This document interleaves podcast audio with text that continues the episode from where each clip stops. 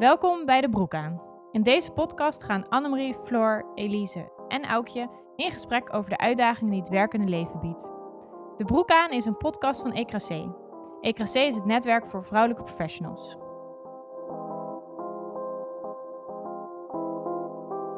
Welkom bij een nieuwe aflevering. Eh, ik zit vandaag aan tafel met Floor en Elise. Zin in! Yay! Fijn. Leuk dat jij er ook bent, Aukje. Oh ja, dat is misschien ook wel even handig als ik mijn eigen naam zeg. Uh, Aukje, ik uh, host vandaag de aflevering. Uh, en naast mij zit Annemarie en die doet de techniek vandaag. En we gaan het hebben over de krabbenmand. Gezellig. Echt heel leuk. Misschien moet ik even uitleggen wat het is, want ik denk dat heel veel mensen, tenminste toen ik het voor het eerst hoorde, dacht ik, waar hebben we het over? Um, maar het blijkt dus, dat is denk ik niet helemaal nieuw, dat het hele sisterhood idee niet helemaal vanzelfsprekend is op de werkvloer. En dat vooral vrouwen in topfuncties, maar ik denk dat het overal gebeurt, uh, minder snel geneigd zijn om uh, nou ja, medevrouwen vooruit te helpen. En um, nou, de vraag is ook, en daar gaan we het vandaag ook over hebben, is het echt zo dat vrouwen elkaar minder gunnen? Laat me eerst even vertellen wat de krabbenmand is. Het is een uh, begrip dat eigenlijk bedacht is in de tweede feministische golf, dus jaren 60, 70, 80.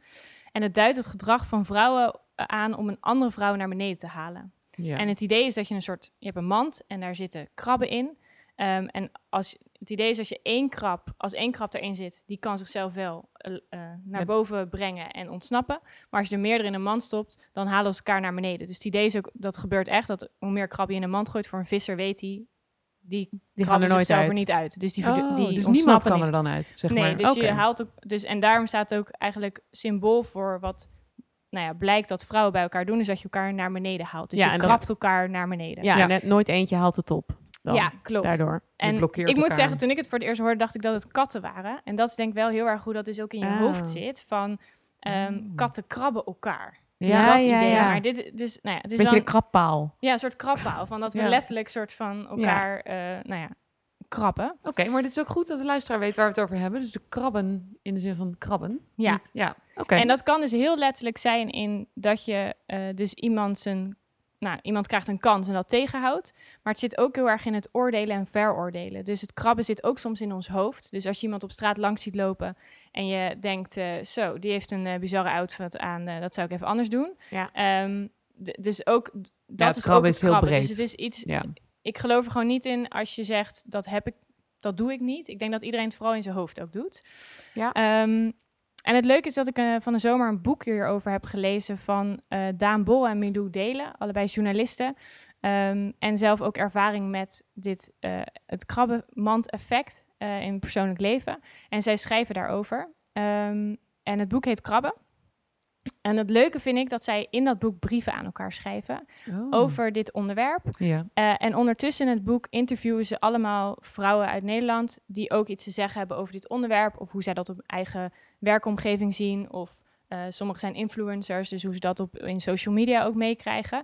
En het leuke is dat die, dat die brieven aan elkaar worden geschreven in, het, in die periode dat ze ook die vrouwen interviewen. Dus je Ja. leest Oh ja. heel erg mee in hun proces over het krabbenmand-effect en wat ze zelf, nou ja, dat ze daardoor zijn geraakt, maar ook dat ze het zelf doen en allemaal hun eye-openers. En het is gewoon heel, je hebt echt het gevoel of je erbij bent. Eh, dus ik vind het boek echt een eh, aanrader. Leestip. Leestip. Zeker Een leestip. We zetten het in de show notes. Ehm, dus dit zou ook een beetje de basis zijn eh, voor de podcast. En ik wil eigenlijk maar gelijk beginnen met de, met de stelling. Want ik heb net helemaal een introductie gegeven wat het is. Maar de stelling is, krabbenmand-effect is een mythe. Nee. Nee. Oké. Zeker geen mythe. Nee, daar ben ik ook niet mee eens. Allebei nee. niet. Vertel. Nee. Ik ben Mm, nieuwsgierig. Nou ja, ik denk meteen, eh, je zou willen dat het een mythe was. Ja. Het is helaas geen mythe. Ehm, A, denk ik, eh, het boek van hun dat dat aantoont. Maar ik heb zelf ook al een aantal voorbeelden waarin ik merk dat het absoluut geen mythe is. En kan je zo'n een voorbeeld geven? Nou, ik denk dat ehm, het is grappig wat jij net zei. Hè? Dus je denkt misschien meteen aan hele extreme situaties op werk of bij nevenfuncties. Ik denk ook dat het veel sluimerender aanwezig is. Dus dat je inderdaad denkt, ook zelf wel eens hè, van oeh, eh, nou, eh, die outfit eh, met zo'n belangrijke presentatie, zo, dat je je Ja. daarop betrapt. Maar ik heb zelf ook wel eens meegemaakt dat er in een bepaalde situatie één vrouw was. En dat ik de eerstvolgende vrouw was die daar toetrad, zeg maar. En dat werd eigenlijk niet getolereerd. En dat werd helemaal niet gestaafd op wat ik kon, of de inhoud van het werk, of de expertise. Maar echt alleen maar op dat ik een vrouw was en dat er al een vrouw was. En als het dan gaat over de krabbenmand, moet ik heel erg aan dat voorbeeld denken. Omdat ik denk, ja, dat is gewoon alleen maar de, het beeld wat je erbij hebt. Er is al één krab die denkt op sodemieteren, zeg maar, ik ben hier al. Ja, en ik weet niet of dat meteen ook is waar jij aan moet denken, Floor. Maar Nou- dat is wel wat er bij mij dan meteen eh, omhoog komt, zeg maar. Maar is dat dan ook niet, om maar meteen even eh, op wat jij zegt in te gaan, eh, Elise, is dat dan ook niet ehm, dat je dan in een cultuur zit of in een organisatie zit waar dus kennelijk heel weinig vrouwen aan de top zitten of, of aan de bovenkant van de organisatie zitten? Ehm, en dat er dan misschien ook een soort van cultuur is van, oké, nou we hebben iemand, dus ehm, dat er dus ook maar heel weinig ja. plek voor vrouwen is. Dus natuurlijk, het is helemaal niet goed wat, wat die vrouw in kwestie dan niet doet. Maar misschien dat de omgeving het ook wel maakt dat zij zich zo, dat zij zo acteert. Nou, het zijn denk ik twee dingen. Enerzijds is het denk ik ook wel de omgeving. En je ziet dat ook in een recent onderzoek wat gedaan was onder vrouwelijke hoogleraren. Hè? Dat die ook Ja. nog steeds eigenlijk nieuwe hoogleraren een beetje proberen pootje Ja. te haken en weg proberen te duwen. Omdat zij zeg maar de enige vrouwelijke hoogleraar zijn. En dat verandert niet over time. Wat me ook heel erg opviel hier was dat het iemand van een andere generatie was. Oh ja. Want ik, ik heb hier van tevoren natuurlijk ook over nagedacht. En toen dacht ik, ik zie bijvoorbeeld echt wel bij vrouwen van mijn leeftijd of net wat daarboven, dat die soms echt onwijs empowering zijn. En dat die echt zeggen van nee, ik ga dit voor jou mogelijk maken. Ja. Ik ga jou daarheen helpen. Ik ga je dit opstapje geven. Dus ja, daar is het dan wel absoluut een mythe, hè, de krabmand. Maar overal nee. En, en zeker dat generatieaspect kan hier ook meegespeeld hebben. ja. Ja, en misschien, ik vind het is geen mythe. Ik denk dat het wel gebeurt, maar ik denk wel dat het, dat het soms misbruikt wordt in de maatschappij. Absoluut. Dat mannen ook kunnen zeggen, ja, maar vrouwen gunnen elkaar niks. Ja. Of dat we maatschappelijk dat meer zeggen. Dus niet alleen om die man de schuld te geven. Maar en dat we dat dus soort van als, als, oh, dat is zo. Dus daarom zijn er minder vrouwen aan de top. Of Het is allemaal hun eigen schuld. Ja, Ja, en ja. je kan nooit kritiek hebben ergens op als het een vrouw is. Want dan krijg je inderdaad precies wat jij nu zegt. Oh, jullie doen dit altijd zelf ook zo, zeg Ja. maar. Dus ik ben dat helemaal met je eens. Het wordt ook te pas en te onpas eh, misbruikt. Aan de andere kant denk ik wel dat we het veel bespreekbaarder moeten Ja. maken. Omdat heel veel mensen niet weten dat dit gebeurt. En dat als je weet dat het gebeurt, dan kan je er namelijk ook iets tegen doen. Je kan het bespreekbaar maken, je kan het agenderen. Ja.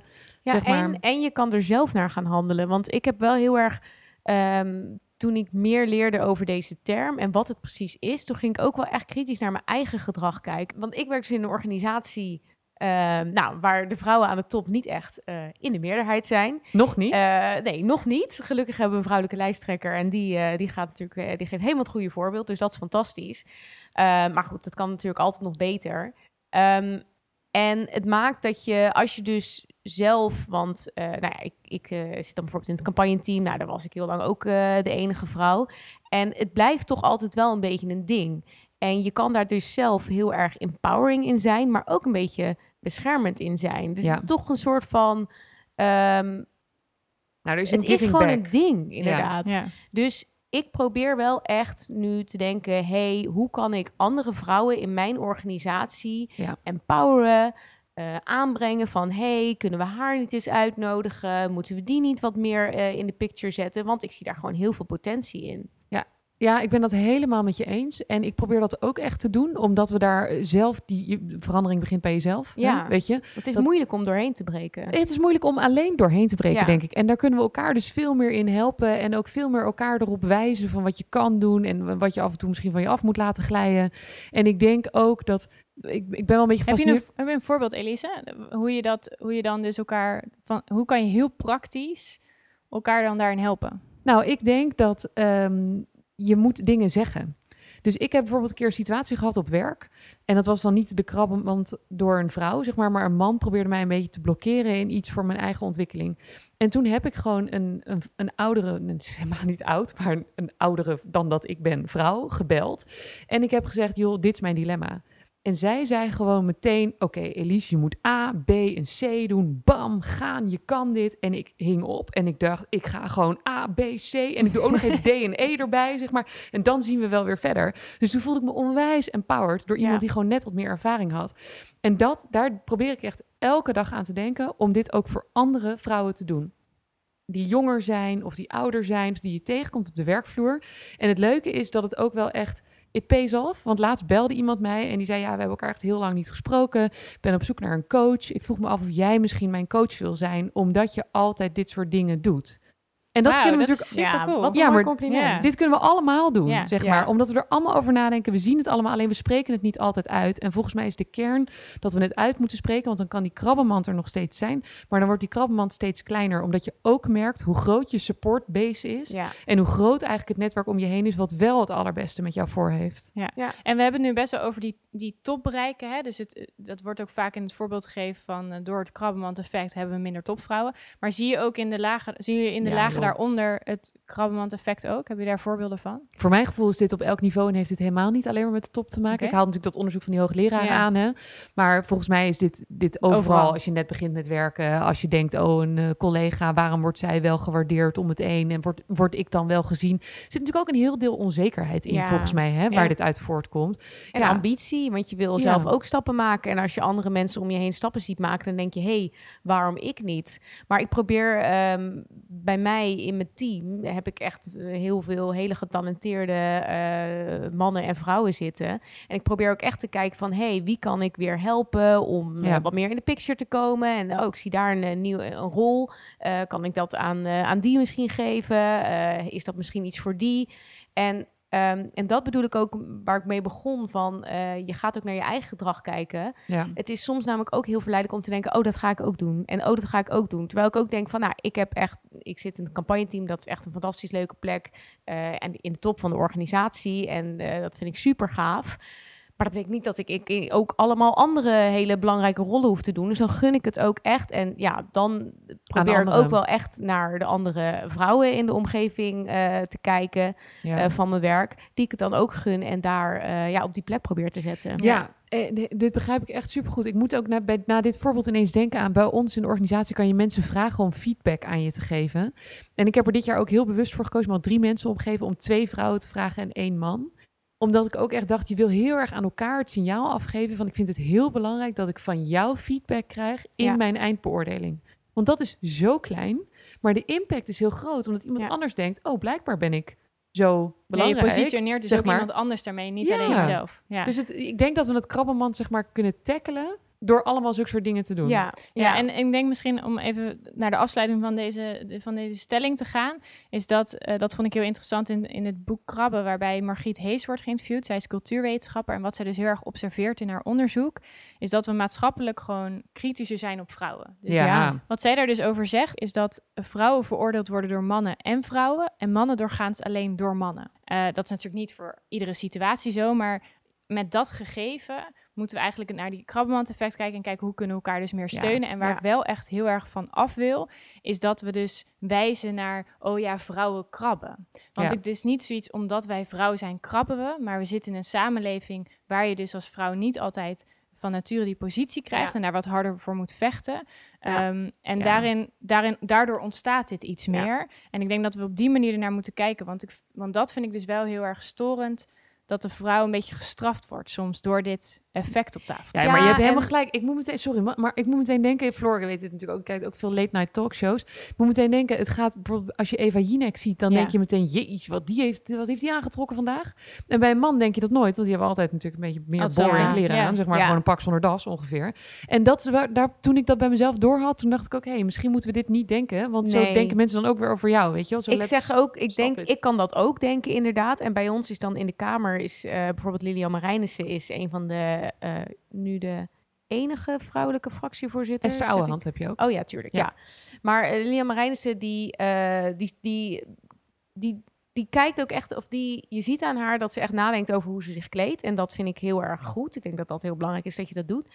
Maar toch heb je toch, en dat merk ik bij mezelf, een natuurlijke reflex als ze weer een knalrood jurkje of een knalroze jurkje aan hebt. Dat je denkt, zo, die heeft Ja. ook even een knalroze jurk aan gedaan. En dan ligt het op het puntje van mijn tong en denk ik, nee, ik ga het niet zeggen. Want Nee. het is gewoon niet oké. We moeten daarmee stoppen. En ik wil dus ook hierbij iedereen oproepen, laten we elkaar ook niet op dat soort basale dingen eh, beoordelen. Want het, ja, het helpt elkaar gewoon niet. Nee, Ja, heel helemaal mooi. eens. Perfect pleidooi. Helemaal eens. Waar ik nu graag naar over wil, is ons Powervrouw momentje. Oh. Eh, want dat is natuurlijk onze vaste rubriek.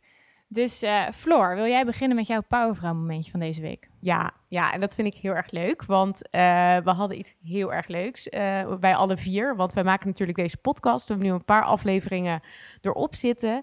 En uh, het was heel erg leuk, want een keer op een zaterdagochtend kwam Vink online. En dat is een andere podcast van Radio 1. En die reviewen podcasts. En daar werd De Broek aan gereviewd. Nou, dat is natuurlijk helemaal gaaf. Ik weet niet hoe het met jullie was, maar ik zat echt... Ik stuiterde mijn bed uit toen ik het aan het luisteren was. Ja, dat was uniek. Ja, ja. ik vond het echt super cool. Dus dat was echt, uh, nou, dat vond ik echt een powerful momentje. Dat ja. vond ik echt super cool. Dat snap ik ook wel, ja. Dat, ik vond dat ook wel heel uniek. En ik, ik denk ook wel, als het gaat over powervrouw momentjes, deze is dan niet van deze week, maar dan denk ik dat wij deze podcast hebben gemaakt, vind ik ook echt wel ja. vrij episch. En ik had van de week ook een powervrouw momentje. Toen uh, had ik namelijk eens uh, werkkleding aangetrokken. Ik weet niet of het met jullie is, maar in coronatijd heb ik ook wel vaak gewoon een spijkerbroek aan. En toen liep ik de woonkamer in. Ik had zwart jurkje aan, panty aan, hoge hak aan. En toen zei mijn vriend, wauw. zo heb je vaak niet gezien. Nee, maar ik had natuurlijk ook heel lang niet zo gezien. Dus ik grapte als van ja, nou, dat is niet echt hoe ik er tegenwoordig altijd uitzie. Nee. En toen dacht ik, eigenlijk is het zo grappig. We hebben het daar een keer eerder over gehad, helemaal aan het begin van het seizoen, wat kleding voor Ja, je doet. Ik wou het net En ik voelde me ook helemaal badass, omdat ik dacht, Ja. nou jongens, wij gaan er even voor vandaag. En toen dacht ik, oké, note to self. Ja, zo nu Tip voor iedereen, zo nu en dan even die lekkere werkoutfit aandoen. Beetje overdressed, ervoor gaan, omdat je gewoon helemaal empowered Nou, voelt. en die schoenen. Want ik moet zeggen, ik Ja. doe best wel vaak gewoon mijn werkkleding aan. Maar dan zit ik dus met mijn wollen geiten sokken Ja, Ja, onder dat bureau of met mijn Ja. sloffen. En dan Ja. voelt het toch niet helemaal eh ja, powerful. dan zit je ook gewoon echt meer thuis. Ja, En Ja. niet echt... en dat zit je Ja, ook. dat dus zit dat je is ook. ook heel Ja, maar om een beetje uit comfortabel of Ja. zo. Ja, Ja, nee, daarom precies. is ik zo. Nou, Ja. we hadden het in aflevering 1 volgens mij ook over, dus het is een mooie, mooie cirkel. Ja, heel mooi. Geweldig. Dank jullie wel. Dan gaan we naar de ehm, eh, volgende eh, st- eh, stelling. En dat is, vrouwen hebben een socialer brein, dus voelen zich eerder onprettig bij negatieve feedback of vervelende opmerkingen. Zo. Floor. Zo, en Ja, dat is ik moet er even over nadenken. Ja, nou even terugdenkend aan wat we net hebben gezegd. We zijn ook misschien kritischer op elkaar. Dus dat, dat ma- ja, ik weet niet of vrouwen kritiek zich meer aantrekken dan mannen. Mannen kunnen denk ik beter doen alsof ze het niet, eh, alsof het ze niet raakt. Ja, ik Ja. denk dat wij het meer uiten. Dat Ja. denk ik echt. Ja. Precies. Ik denk namelijk dat mannen het zich eigenlijk net zoveel aantrekken, maar dat wij het hardop zeggen. Dus dat wij zeggen, nou, eh, weet je, voel ik me echt heel naar over. Of eh, daar loop ik nog steeds mee rond. Of eh, naar gevoel of iets. Want wij, dat is ook, hè, vrouwen praten meer, eh, spreken meer woorden uit per dag dan, dan mannen. Dat zijn gegevens. Maar ik heb ook wel het idee dat wij hier dan meer over praten. Ja, En misschien, dat is wel interessant, eh Floor, jij noemde net in je Powervrouw momentje de, dat we gereviewd werden ja, in die pod, o- onze, onze podcast werd gereviewd. Dus nou, directere feedback kan je niet hebben. nee. Hoe voelde dat voor jullie? Hoe, hoe, Nou, hebben jullie naar geluisterd? Heel, heel spannend. En het is wel grappig dat we het inderdaad nu in deze Krabbelmand-aflevering bespreken. Want daar gebeurde iets opvallends. En eh, ik heb even getwijfeld van eh, of we dat hier zouden bespreken. Omdat ehm, ja, je toch wel snel het gevoel krijgt van... nou, dan doe ik eigenlijk hetzelfde. Dus daarom even deze disclaimer vooraf. Ja. Oké.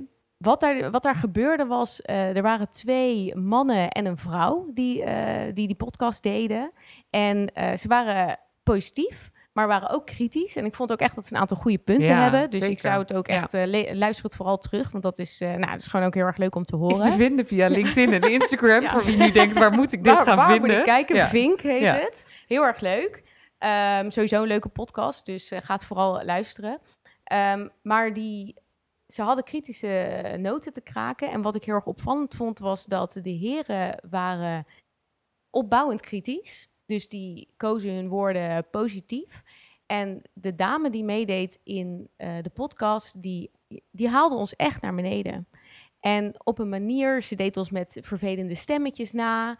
En ehm, nou, ze, ze, ik kreeg echt een beetje het gevoel dat ze ons een beetje belachelijk maakte. En toen dacht ik, ja, dit vond ik toch best wel exemplarisch. Want het is heel goed om kritisch te zijn, maar dit helpt ons ook gewoon echt niet verder. En daarom dacht ik, ja, nou, ik heb dus echt heel erg getwijfeld van, moeten we dit nou hier bespreken?